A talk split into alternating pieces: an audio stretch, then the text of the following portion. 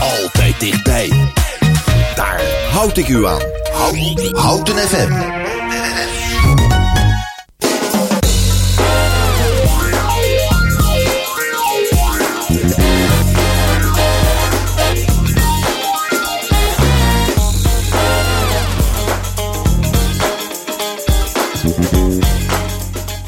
Goedemorgen luisteraars. Dit is Daar houd ik u aan op zaterdag 1 mei om 10 uur. We hebben het programma een uur naar voren gehaald, uh, omdat er een nieuw programma van 11 tot 12. Dus voortaan zit Daar houd ik u aan op zaterdag van 10 tot 12. Of van 10 tot 11, pardon. En vandaag hebben we een special en we gaan de uitzending beginnen. Um, met een interview met Wil Mossing. Daar komt hij. Houden FM. Daar houd ik u aan. Houden FM. Daar houd ik u aan.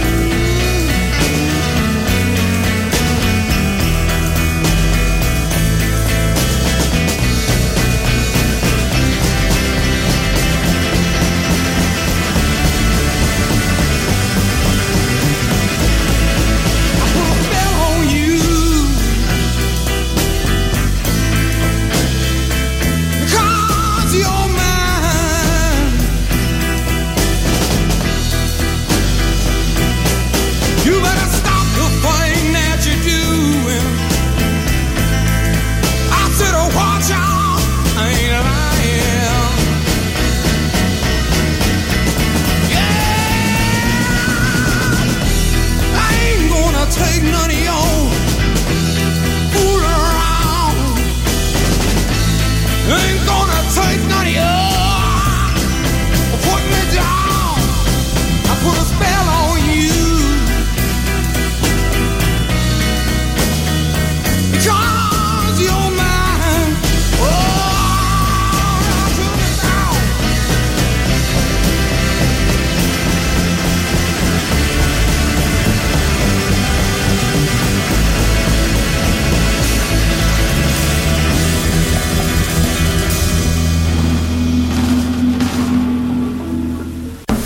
Goedemorgen luisteraars.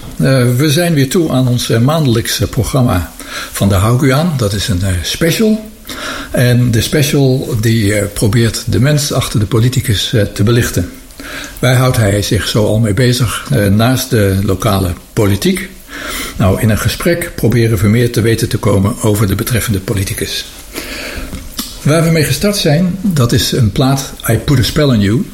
En ik heb me altijd zitten verwonderen van wat betekent dat nou? Dat betekent ik betover je, heb ik eh, van Google overigens.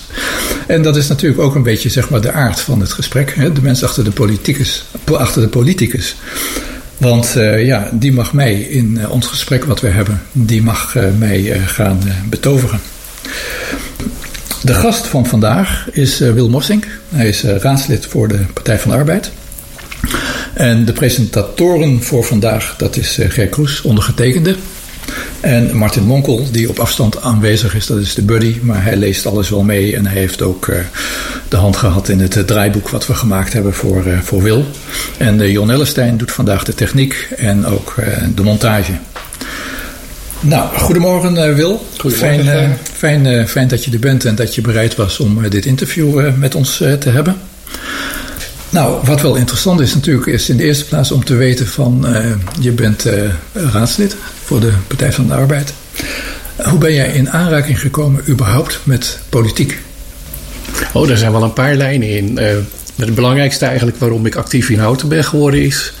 omdat toen ik in Houten woonde ik actief ben geweest in het sportbesturen. En daar de gemeente leerde kennen en het bestuur in de gemeente leerde kennen. Er zijn wel andere redenen, de, en die gaan wat dieper terug, maar dat heeft meer te maken met mijn rode oriëntatie. En die ligt in mijn studietijd. Toen ik veel met uh, mondiale vraagstukken bezig ben geweest. En veel met uh, uh, machtskwesties en, en, sociale kwesties. Daar gaan we het straks nog uitgebreid over hebben. het is vandaag 1 mei. Ja. Wat betekent 1 mei voor je? Ja, een moeilijke vraag. Want het heeft een associatie met uh, arbeidersbeweging. Het heeft iets met communisme. Het, uh, het staat eigenlijk uh, bij mij vanuit mijn jeugd heel ver weg. Ik kom niet uit een rood nest. Een internationale solidariteit, hè? Ja, het is wel internationale solidariteit. En dat spreekt me dan weer wel aan. Ja. En in die zin, dat zie ik ook in het buitenland, leeft het ook veel meer als een, als een internationaal solidair feest. En niet zozeer als een arbeidsfeest. De verbinding is dat het vaak door de arbeidersbeweging tot uh, zo'n feest gekomen is. Omdat het bijvoorbeeld met bevrijdingsbewegingen of wat ook vanuit de socialistische eh, wereld uh, behoorlijk bevorderd is geweest. Zeker in de Zuid-Amerikaanse landen. En daar associeer ik het dan mee met internationale solidariteit. Alleen, niet alleen in de Zuid-Amerikaanse landen, maar we zien het nee. natuurlijk ook in ja. Rusland met grote parades enzovoort. Ja, nou die spreken me dan wat minder aan. dat vind ik vooral machtsvertoon. dat, dat is het ook natuurlijk. Wel mooi hoor, in die zin, ik hou wel van ceremoniële, ceremoniële dingen. Maar uh, niet als je dat echt wil, als het gewoon als powerplay bedoeld is. En laten zien van wat je allemaal in je, in je macht uh, hebt. Ja. Jij zit in die lokale politiek. Ja. En uh, met uh, twee mensen, hè? de fractievoorzitter. Ja, en jij bent, uh, mechanic. Ja. ja, jij bent zeg maar de, het, het fractielid. De, twee, ja. de tweede man, mag je dat zo zeggen? We doen het samen met een aantal andere mensen die niet in de fractie zitten, maar als commissielid meedraaien. En wat zijn jouw aandachtsgebieden in de fractie?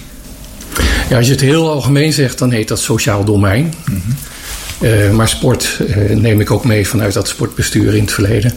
Uh, en sociaal domeinen moet je denken aan dingen die te maken hebben met inkomen, inhouden, uitkeringsregelingen, jeugdbeleid, welzijn.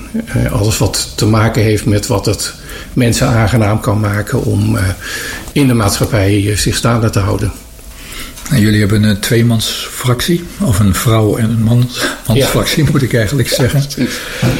Ja, is dat niet ongelooflijk veel werk in, uh, nou ja, toch ook de lokale politiek is zo langzamerhand toch een, ook een be behoorlijk complexe materie.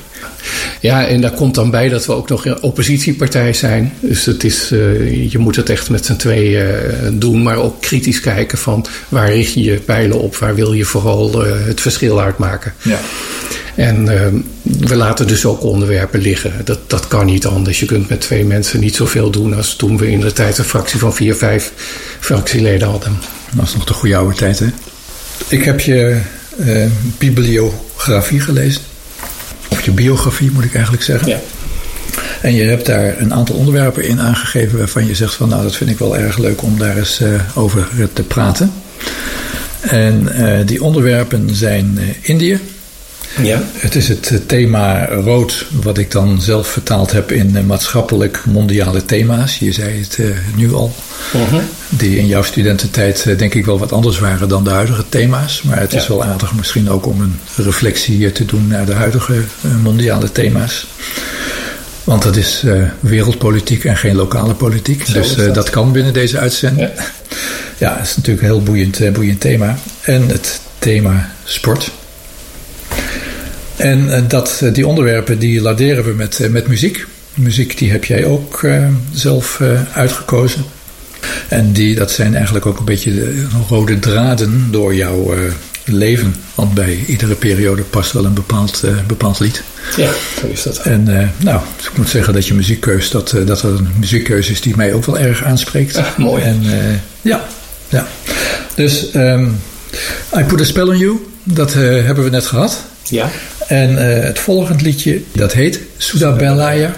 En dat is een verzoeknummer van jou. En die wordt gezongen door Jessica Manuputi. Ja, klopt.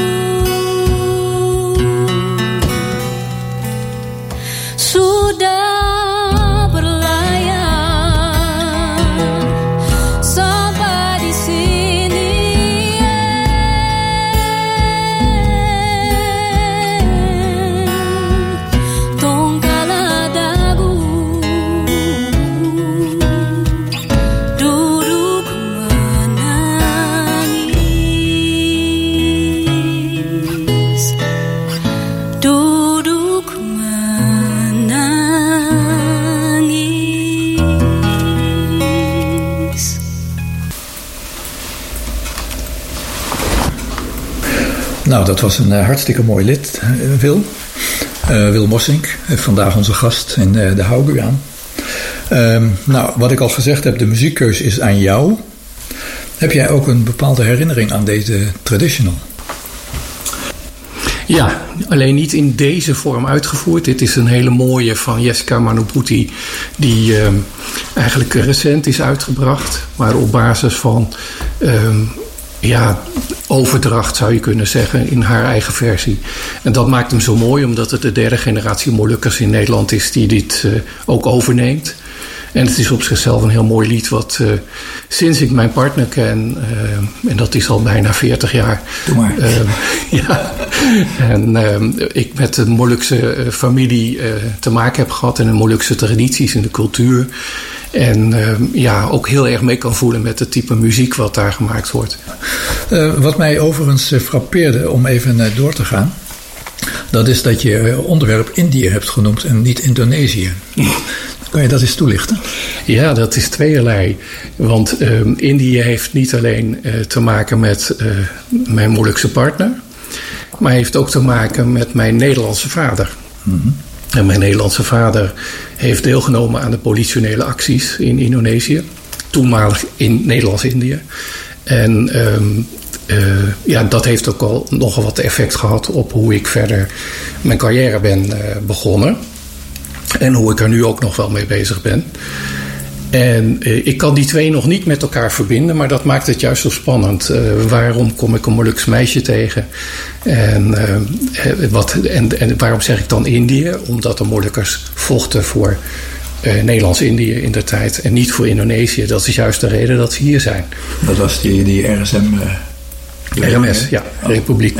Maluku Selatan. Ja, precies. De Republiek van de Zuid-Molukken. Toen die uitgeroepen was, was het onmogelijk om als Moluks militairen die in het Nederlands leger dienden te demobiliseren op die eilanden. Ja. Zeg, die, eh, je hebt het nu over, over je vader.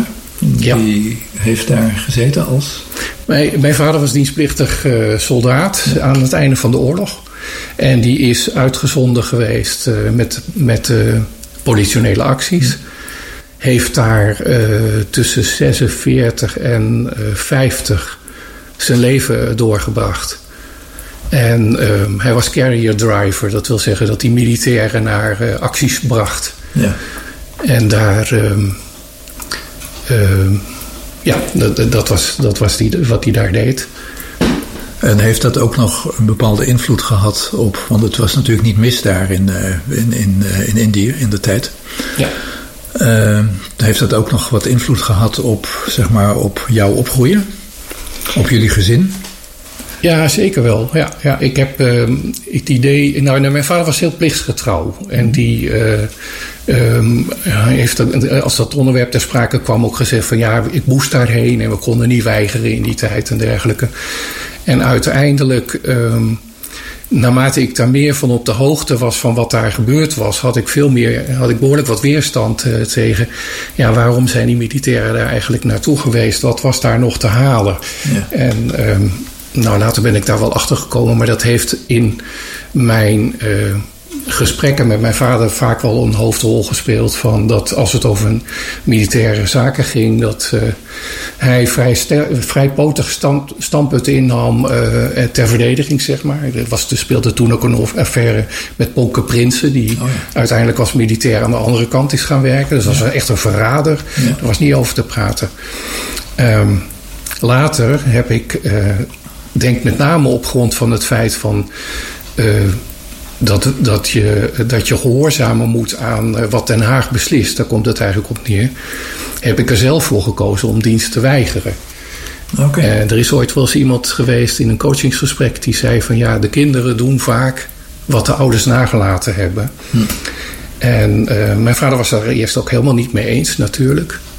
Maar wat heel bijzonder was, toen hij 70 was, heeft hij een boek geschreven waarin hij ook terugblikt op eh, de tijd in, eh, in Indië. En eh, dat beschrijft in eigenlijk echt een biografie van zijn hele leven. Maar eh, daarin eh, baseert hij, eh, nou ja, er is veel meer over te zeggen, maar wat hij op het einde doet daar, daar ehm, citeert hij eigenlijk iets wat ik, wat ik zelf ooit in een Volkskrant-berichtje heb geschreven. Daar zegt hij: De heren worden bedankt. En eh, dat boekje wat hij geschreven heeft, heeft, heet ook Geschiedenis trekt zo zijn sporen. En daarmee kreeg, had ik toch achteraf wel het idee dat hij meer op mijn lijn zat eh, qua intentie, qua wat hij had gewild, dan eh, ja, wat hij eigenlijk in de opvoeding met mij zeg maar eh, Ja. wilde doorgeven als eh, Ja. moraal, zeg maar. Ja. Ja, ja. Wat mij fra- frappeert, dat is natuurlijk dat, en daar ben ik ook erg geïnteresseerd in culturen in mensen. Nou, je bent toch op een bepaalde manier geconfronteerd geraakt, hè? zowel door je vader in de eerste instantie, maar later ook dan door je vrouw, die ongetwijfeld ook eh, eh, misschien zusjes en broers had enzovoort. En Hele familie, ja. en de hele familie, nou ja, kijk eens aan. Van, ehm, wat, wat is nou zeg maar ehm, de cultuur van deze mensen? Hoe is die nou anders dan zeg maar de Nederlandse cultuur? Heb, heb je, kan je dat een beetje aangeven? Ja, ja, dat kan ik wel goed beschrijven. Ja, de, de, die- is echt heel anders. Ja, Dat heeft, eh, er zijn hele, een aantal hele sterke normen wel. Ehm, trouw eh, aan elkaar. ehm, eenheid, gemeenschapsgevoel. Familiebinding. Dat zijn wel dingen die aan de Molukse kant heel erg spelen. Ehm, als je dat vergelijkt... voor mij is eh, zoon en dochter uit huis, dat is, die zijn op zichzelf gewoon, die zijn uitgevlogen. Voor mijn vrouw is eh, de kinderen komen thuis. Ja, ja. ja. En dat is een heel groot verschil. ja. Ehm, en de Molukse cultuur is verder heel levendig, heel openhartig naar elkaar toe. En eh, nou, het lekker eten is natuurlijk ook inmiddels goed in Nederland terechtgekomen. Ja. En Hoe heeft het jou beïnvloed? Ik denk die openheid ook naar, eh, naar de mensen waar je mee leeft. Ook de mensen in, in je familie. Hè? De, de, ehm, zoals zij familieband hebben en, en tot op elkaar betrokken zijn. Ik denk dat mijn ogen ook wel open zijn gegaan voordat je dat op meer punten in je eigen leven toepast. Nog niet eens zozeer in je familie, maar ook in je omgeving. Ja. Ik ben er denk ik wel socia- socialer door geworden.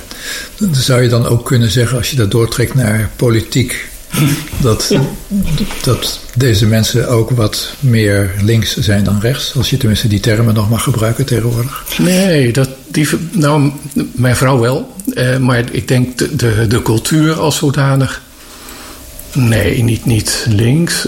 Het doet mij dus veel meer wel denken aan het, het volk in onderdrukking. Hè? Van, eh, eh, dat beslissingen die in de vijftiger jaren zijn gemaakt over wat hun lot is geworden, dat dat wel heel erg ehm, bepaald heeft hoe zij, eh, ja, hoe ze erin staan en hoe ze een appel op je doen. Van ja, kijk eens wat je doet. Ja. Ehm, je had het net al even over eten. Ik zag eh, heel recent zag ik een, eh, een Facebook berichtje van je. Ja. En daar gaf je aan, daar is Idam. Ja. En mijn favoriete recept. Nou, mijn vraag is: wat speelt die eetcultuur eh, ook een rol in jouw, eh, zeg maar in jouw eh, leven op dit moment? Ja, in, in zeker. Nou, niet, niet zozeer in mijn leven. Het- gaat over een boek wat een horeca-burgemeester Ja. in Utrecht gepromoot heeft al voor de Utrechtse horeca. Die hebben daar 40 recepten in opgenomen. En het favoriete recept van mij is soto ayam. Dat is een heerlijke soep met stukjes kip erin. En Maak je zelf ook? Ik kan dat zelf niet Oh, maken. nee, je bent geen kok. Nee, en ik, nee, ja, en ik, ik moet ook zeggen, ik eet het ook het liefste eh, als Molukkers het klaarmaken. Ja. En er zit mijn favoriet restaurantje in, eh, in Utrecht wat dicht is. eh, Hmm. Op de Driejarenstraat. Dat, ja, daar, daar, daar haal ik het het liefste. Dus dat eh, ja, ga ik niet zelf proberen te evenaren. Nee, nee, nee. Maar mijn dochter heeft eh, die traditie voortgezet. Die, is, eh, die heeft een communicatieachtergrond en, en een horeca-achtergrond. En die heeft een hele tijd in dat Indonesische restaurant gewerkt. Oké. En ja, de- daar zie je dat de cultuur wel steeds dichter bij je komt. Ja, nee, dat, dat, dat begrijp ik. Nee, ik vond het wel grappig dat, eh, dat, eh, dat recept en dat het ook weer iets te maken had met, de in, met India of met, eh, met, eh, met, Ja, Indo- ja. met Indonesië. Mijn zijn- vader maakte altijd nasi goreng. Ja. En als je dit nou eh, wat breder bekijkt, hè, Ja. ehm, heeft die cultuur ook jouw leven ingekleurd wat betreft eh, genieten? Ja, moet ik zeggen dat we de afgelopen twee jaar, ja, dat, dat is wel een stukje waar. eh, eh, ik heb over het algemeen niet zoveel last van het feit dat die corona je beperkt. Maar op dit punt wel. Van dat eh, familiebijeenkomsten en vooral als er een bruiloft te vieren is of feestje is. Ehm, daar hoort hele mooie muziek bij. En eh, nou, dat wordt dan eh, eigenlijk op dit moment helemaal onmogelijk gemaakt. Ja. Maar dat beleven in die, in die cultuur, dat, eh, dat mis ik wel. Ja. Ja, dat is ook genieten. Maar, eh, Ja. maar ook dingen zoals. eh, ik, zag, ik, ik zag het ook ergens in jouw eh, biografie. Daar had je het ook over. eh, naast het eh, genieten ook. dat die cultuur ook eh, eh, vaak troost biedt. In, nou ja, zeg maar in, eh, in, in moe- moeilijkere tijden. Ja. En dat het je ook een stukje bezinning geeft.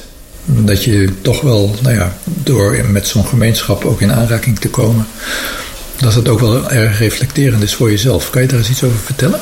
Want, eh, de katholieke kerk heeft natuurlijk ook een aantal rituelen die troost bieden. Maar de- Ja, nou daar zit inderdaad wel een rode draad. En dat, dat vind ik ook wel moeilijk om te duiden, maar ik zie dat ook terug in een aantal dingen. Ehm, bij, bij de Molukkers dat, dat één zijn, hè, of dat één voelen, of dat gevoel van samen ervoor staan of samen feest vieren, dat, is, ehm, dat ontroert. Dat, dat maakt ook. eh, ehm, je ziet dan passie van een heleboel mensen bij elkaar. Dat is overigens ook iets wat ik in de sport heel erg eh, belangrijk vind. En ehm, ik denk dat als je daar een lijn trekt naar het verleden, dan. Ik denk dat dat in mijn roet zit. Dat ik eh, in, in, in de katholieke kerk eh, is dat. eh, ik ben katholiek opgevoed. En tot een begin van de jaren zestig was dat ook een redelijk gestructureerd eh, geheel. In de zin van vaste rituelen, vaste dingen, samen dingen doen, één kerk zijn. Ook nog niet eens te maken hebben met andere inwoners van Bunnik, waar ik woonde. Ehm, eh, veel eenheid. Alleen daar is het vreed verstoord toen ehm, de vernieuwingsbeweging op gang kwam. En eh, eigenlijk de katholieke kerk eh, verscheurd is geraakt in een progressief deel en een conservatief deel. Eh, dat is ook het moment dat ik zelf die kerk wat, wat achter me heb gelaten. Ik ben nog wel steeds ingeschreven, maar ik, ik heb er geen binding meer, geen gevoelsmatige binding meer mee. Maar dat, dat heb je de, wat je in de katholieke kerk ziet als ritueel, tref je dat ook binnen het kader van die, eh, die Indonesische community, zeg maar? Ja, dit, dit klinkt misschien vreemd hoor, zo vergelijk, maar eigenlijk wel. Ja, van dat je toch een. ehm, ehm, ja, muziek kan soms en rituelen kunnen soms gewoon eh, heel prettig eh, rust geven in het feit dat ze er zijn. En eh, dat je eraan meedoet en je onderwerpt. En dat is wat anders dan dat je ergens in gelooft. Maar je doet het, je doet samen een gebaar. En dat gebaar dat. eh, en dat, heb je dus eh, ja, in- in- op zo'n Molukse feest. Als dat, dat eindigt altijd met een badendang. Dat eindigt altijd met een polonaise. Waar de bruid of, of het feestvarken centraal staat. Ook met rouw bijvoorbeeld. En bij rouw is dat ook. Hè, van, eh, je, je, je hebt een hele duidelijke. ja, een aantal, ja, misschien nog wel juist bij de Molukse cultuur hier. dat die traditie vastgehouden wordt. Maar dat geeft, dat geeft ook. Eh, dat geeft eh, verbondenheid en dat geeft een hoop rust. Maar dat, dat, Ja. voel, dat voel jij ook als persoon, z- zoiets? Want ik begrijp dat, nou kijk... Ik voel me daar thuis mee. Ja, voelt je er thuis mee. Ja, en, en dat, dat is een ander soort thuis, maar dat is denk ik het thuis wat ik in de, vanuit mijn jeugd dan wel mis. Ja. In dat, hoe dat kerkelijke dat eigenlijk invulde. hè. Alles paste totdat er kritiek kwam. Ja. Ja. Heel raar achteraf hoor, want eh zo vanzelfsprekend was dat natuurlijk niet. Maar je bent opgegroeid met bepaalde muziek. Ik was misdienaar, ik zat op een koor, allemaal van dat soort dingen. We gaan weer een eh, muziekje draaien. En eh, dat muziekje dat is El Pueblo Unida Jamás Serra Vencido. Van Inti Illimani. En dan gaan we, dat is in feite ook de inleiding naar het eh, volgend onderwerp. En dat volgend onderwerp dat heeft te maken met zeg maar, het mondiale gebeuren. Van vroeger en van nu. De pie cantar que vamos a triunfar,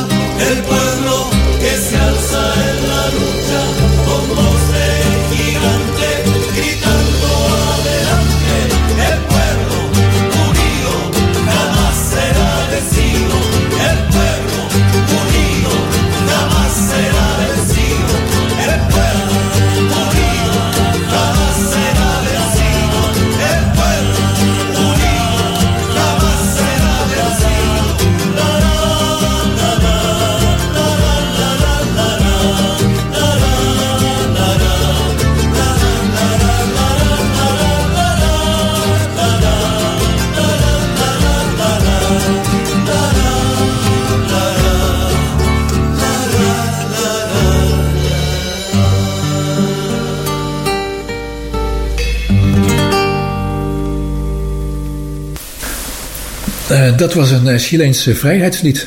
Ja. Was, uh, was, was wel mooi. En uh, we spreken nog steeds met Wil Mossink in de special van de Hou ik u aan. Het tweede onderwerp wat jij opgevoerd hebt, althans die vertaalslag heb ik maar gemaakt, dat zijn grote maatschappelijke mondiale thema's. Dat is een heel, heel groot woord of een heel groot zin. Maar dat is nog eens heel wat anders dan de lokale politiek. Ja, zeker ja? weten. Ja. Nou, als student was je al betrokken bij uh, die grote mondiale thema's. Wat speelde er toen? Ja, maar ik nog even een bruggetje maken naar de, de wat ik daarvoor over de Molukkers uh, aan de orde ja, had. ja. En, en waarom dit lied, uh, People United Cannot Be Defeated, dat zegt ook iets over een volk wat op, voor zichzelf staat. En vandaar dat ik dat ook opgevoerd had. Komt uit de arbeidersbeweging voort. Ja, ja. Socialistische internationale beweging. En daar ligt de binding ook weer met dit thema. En dan moet je even je vraag herhalen. herhalen. Nou, mijn vraag was van, uh, kijk, je bent in je studententijd ben je betrokken geraakt bij, uh, bij die beweging, laat ik het zo maar noemen. Ja. Uh, wat speelde er toen allemaal in die tijd en wanneer was dat ongeveer? Veel speelde. Ik was in uh, tussen 74 en 80 heb ik gestudeerd in Utrecht, sociologie. Sociologie heb je ja. ja. Westerse sociologie, beleidssociologie. Ik zou op een ministerie gaan werken met, uh, sociale, op het sociaal-economisch terrein. Um, en in mijn nakandidaat heb ik me ook bezig gehouden met landbouweconomie en uh, ontwikkelingen derde wereld. Oh, ja. En um, wat speelde er toen? Toen speelde um, er veel um, dingen in de wereld. Eigenlijk veel te veel bij elkaar. Heb ik achteraf het idee van uh, we hadden het over vredesvraagstukken. Kernraketten uh, moesten uit Nederland weg. Grote demonstraties, 500.000 mensen. Um, maar er was ook um, sprake van heel veel kritisch ja, geluid op wat er in de wereld gebeurde, met name in Zuid-Amerika. En ook, ook elders wel, maar Zuid-Amerika focuste wel heel erg en haalde ik ook wel heel erg terug uit de dingen die ik eh, later terugzocht. Ehm, ja, de, doorbreken in Zuid-Amerika van eh, de macht aan, aan het volk, hè, van, van toch meer eh, sociaal invloed in de, in de politiek. Che Guevara en zo. Che Guevara, ja, daar begon het mee. En vervolgens krijg je in, in Chili en Argentinië en ehm, nou, Nicaragua, El Salvador, krijg je allemaal bewegingen die, eh, en waar de kritiek in zat, was dat die neergeslagen werden. Er kwam een junta, er ging een ander een coup plegen en eh, al die vrijheidsstrijd werd, eh, werd eigenlijk teniet gedaan. En ehm, daar gaat dat lied ook net, van net over. Dat is in 1974 uitgekomen. Pal nadat Pinochet de macht van Allende had, had overgenomen in Chili. En ehm, ja, dus het ging als een, als een eh, ondergronds strijdlied eigenlijk eh, verder. En wat, wat, wat, en wat voor rol heb jij daar nou gespeeld? Ik bedoel, dit was een typering wat betreft eh, de, de tijd, hè? Dat, Ja, dat speelt ja. allemaal. Maar hoe ben je er zelf bij betrokken geraakt? Wat heb je daar gedaan? Nou, het maakte dat ik daar sowieso heel veel in heb zitten, eh, zitten uitzoeken. Maar ook mee heb gedaan aan demonstraties die er waren om, om kenbaar te maken. Ja, dit, is natuurlijk buitenland, dus het is wat ver van je weg om er echt iets mee te doen. Maar het. het eh, de, de- ja, er komt dan wel een soort verzet in je op van eh, dit kan toch niet gebeuren, dit mag toch helemaal niet en er vol opkomen. En wat er vooral ook speelde was dat op dat moment de Amerika er zo'n grote in- invloed op had en dat het imperialisme daar op de achtergrond speelde. hè, van de, de, de Amerika had belangen in Zuid-Amerika. En eh, dat bepaalde ook dat er geen ruimte was voor mensen om eh, voor hun eigen lot op te komen. En dat, eh, ja, dat, dat vormde dus eigenlijk ook een stuk anti- anti-Amerikanisme, zou je kunnen zeggen. Maar anti-imperialisme, maar ook anti-militarisme, want dat hing daar ook aan alle kanten mee samen. En dat heeft ook weer een rol gespeeld bij dat dienstweigeren, wat ik later gedaan heb. Van, omdat je ook daar zag wat in Indonesië en natuurlijk in Indië toen ook al gespeeld heeft. eh, van dat vanwege de belangen van Nederland eh, de bezetting van Indië gewoon nog een tijd is aangehouden. Terwijl de Indonesiërs al lang zelfstandig wilden zijn. Want wat zijn de mondiale thema's op dit moment Ja. voor jou? Ja, die zijn anders en die kun je ook niet zo naar land duiden. Hè? Dat is een beetje het lastige ervan. Het, is, het, het overkomt ons allemaal. En eh, we hebben daar heel mooi eh, Europa voor om daar ook aandacht aan te besteden in de wereld en de Verenigde Naties. Maar het, dat staat wel erg ver af van de burger, heb ik het idee. En eh, helemaal van de zorg die de burger er wel over heeft. Dan hebben we het over de duurzaamheid, klimaatverhaal. Ehm, ja, ik denk toch ook wel de internationale solidariteit staat toch ook wel aardig onder druk. Hè? Rijke landen, arme landen. Maar dat heeft ook weer met dat klimaat te maken. We zien het nu met het virus ook. Dat eh, ja, de, eh, arme landen achterblijven bij eh, bestrijding. Ja. Wat doe je daar als persoon mee?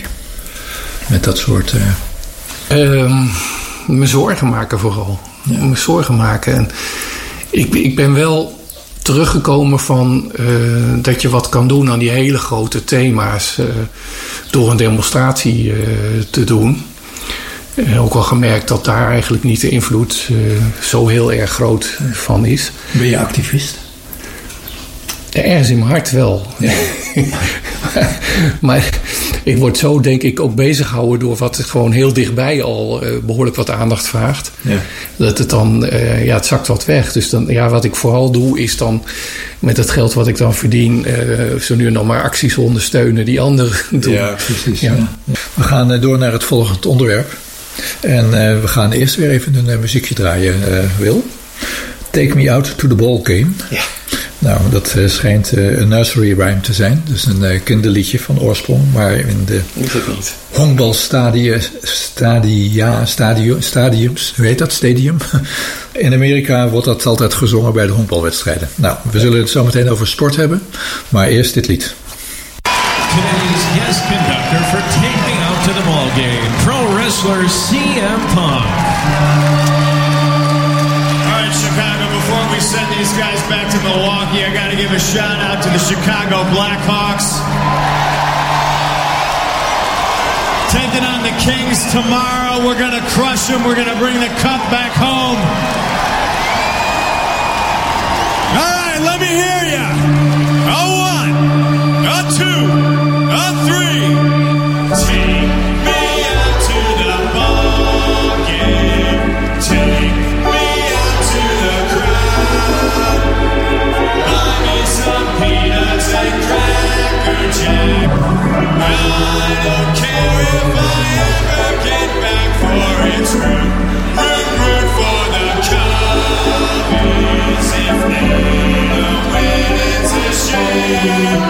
For it's one, two, three strikes, you're out at the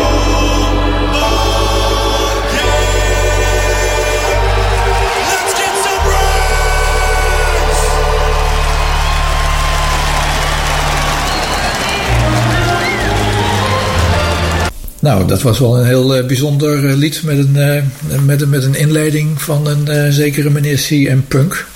Dat schijnt een acteur te zijn en een, een vroegere worstelaar, professional overigens. En nou ja, die zong, die zong dat lied. Kan je het lied eens toelichten? Wat, wat betekent dit? Ja, de, Take Me Out to the Ball Game is eh, misschien wel een, kinderliedje, maar het is eh, vooral een liedje wat heel erg eh, verbonden is aan het honkbal.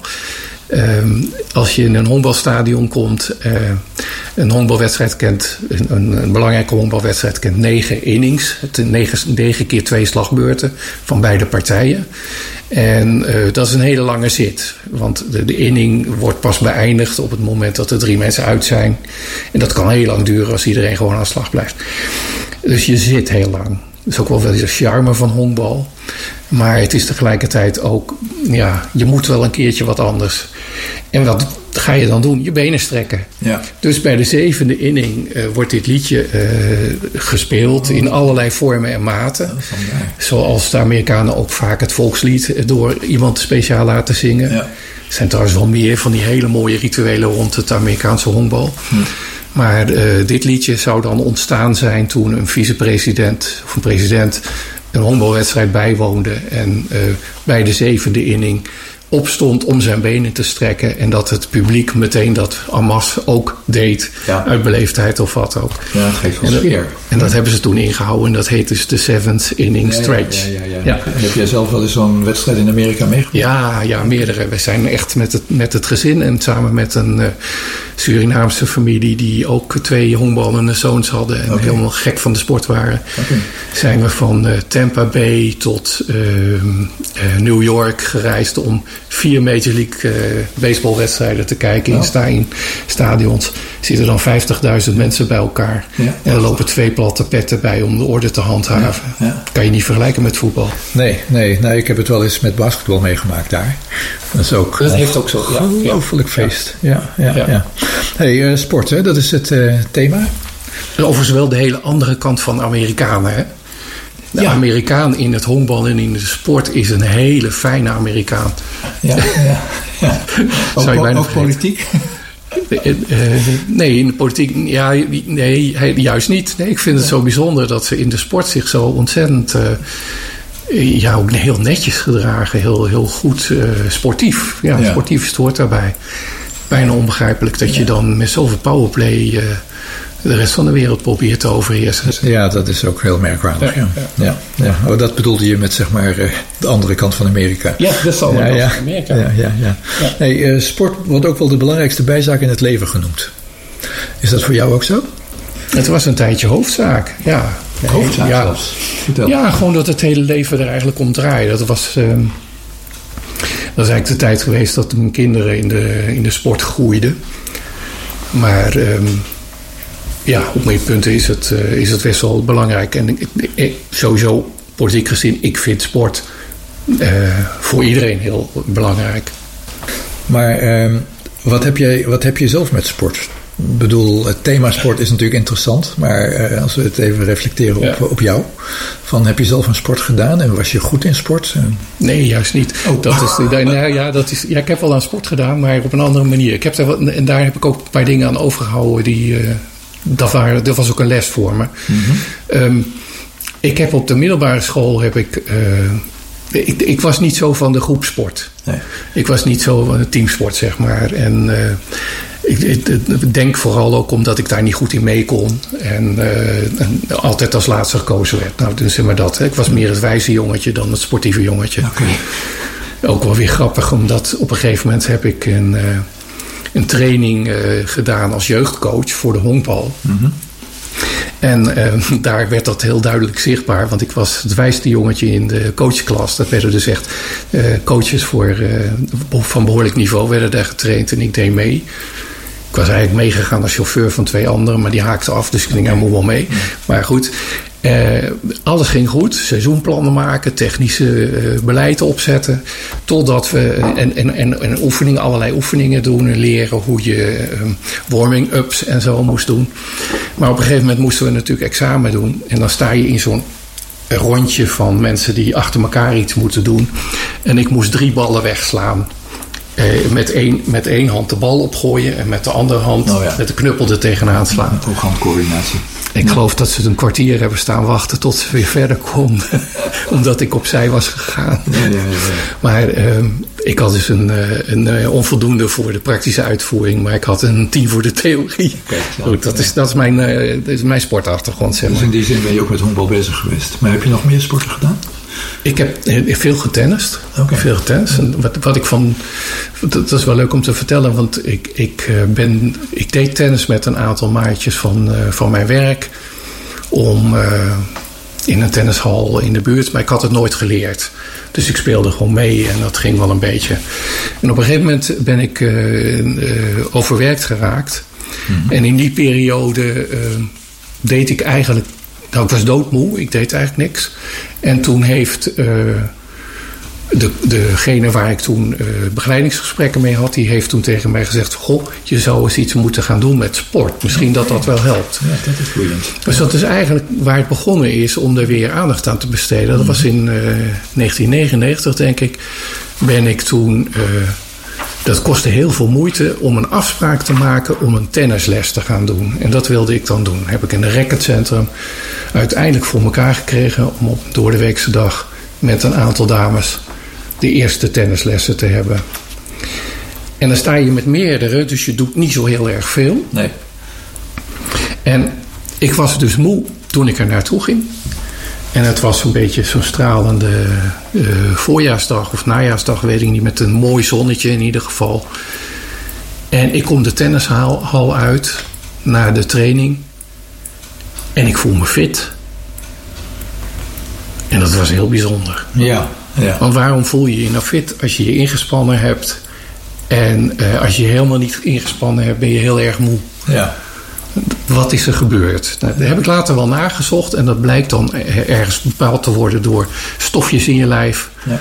Als je daar niet te veel mee doet, dan eh prikkel je ze wel, maar dan eh, slaat het weer niet de andere kant door. Want Ja. wat er eigenlijk gebeurt is dat je balans flink verstoord is. Dus een klein beetje sport of een stukje wandelen of wat ook, kan betekenen dat je weer helemaal fit bent. Ja, Tip. ja, Daar, daar heb ik heel veel van geleerd. En daarna heb ik heel veel tijd op de tennisbaan ook doorgebracht.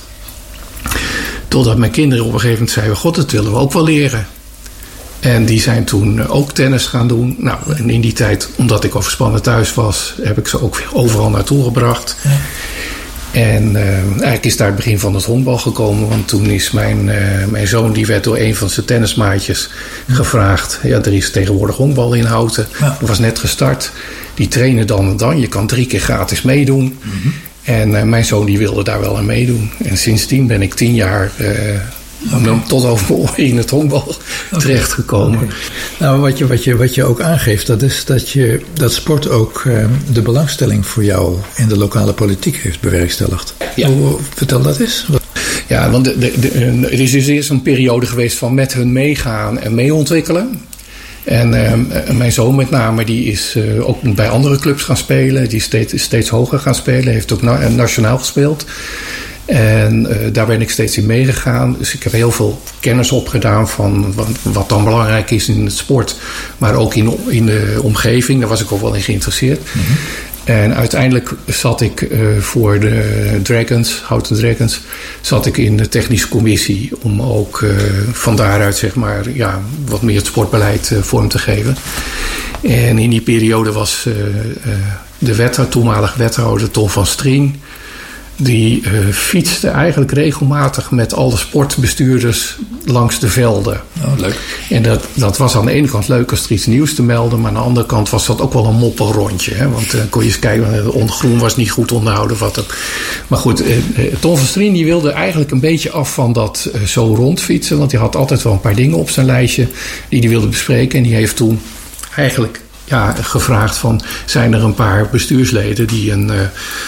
ja, het, het iets willen opzetten waardoor ik van tijd tot tijd een bespreking kan hebben met, eh, met de sportbestuurders. Ja, Oké. En ik was daar toen vanuit de technische commissie honkbal eh, was ik daarbij. Ja. En hij, eh, nou, samen met Peter van der Went en Peter Scheer, volgens mij, vanuit Schalkwijk.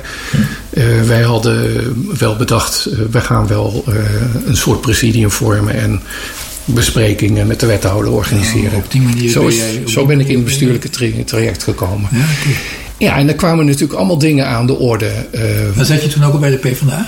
Of niet? Nee, net nog niet. Nee, nee, nee. Het is wel ongeveer in die periode dat ik lid ben geworden van de Partij van de Arbeid. Maar nog niet eh, politiek actief.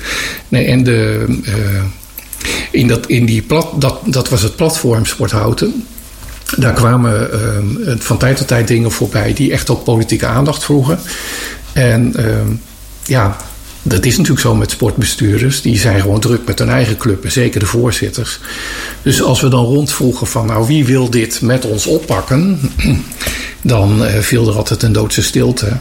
Dus het kwam er heel veel op neer dat eh, uiteindelijk Peter van der Wens en ik regelmatig op het gemeentekantoor zaten en dingen over de sport bespraken. Ja, en dan eh, kom je op een gegeven moment op een punt dat er iets in de politiek aan de orde is. Eh, het ging geloof ik over. Ja, de eerste keer ging over. Men wilde de huren van de sportaccommodatie verhogen. Maar dat gaat de diepte in, denk ik. Ja, ja, ja, ja, ja, nee. Dat, eh, want het is ook ongeveer tijd, dus we moeten eh, gaan, gaan afronden. Oké. Ik pak nog even terug I Put a Spell on You. Ik zei al van eh, ik betover je. Nou, ik moet zeggen dat het hele verhaal wat je hier hebt gehouden, dat je me ook zeker eh, betoverd hebt op eh, heel veel fronten. En eh, ik wil je daar uiteraard hartelijk voor danken dat je op onze uitnodiging bent ingegaan om dit, dit interview te hebben. Graag gedaan. Maar verder bedank ik natuurlijk ook Martin Monkel. Die was dus mijn buddy vandaag, maar wel op afstand. En Jon Nellestein tekende weer voor de techniek en de montage. En luisteraars natuurlijk ook heel hartelijk bedankt. Volgende week zijn de hoofdgasten eh, waarschijnlijk eh, Marcel van Gooswilligen van D66 en eh, Marjan Anen van de groep Anen. En de presentatie is dan van dezelfde Martin Monkel en dezelfde Jon Nellestein. Beste mensen, tot eh, volgende week. We gaan eruit met muziek. The Eye of the Tiger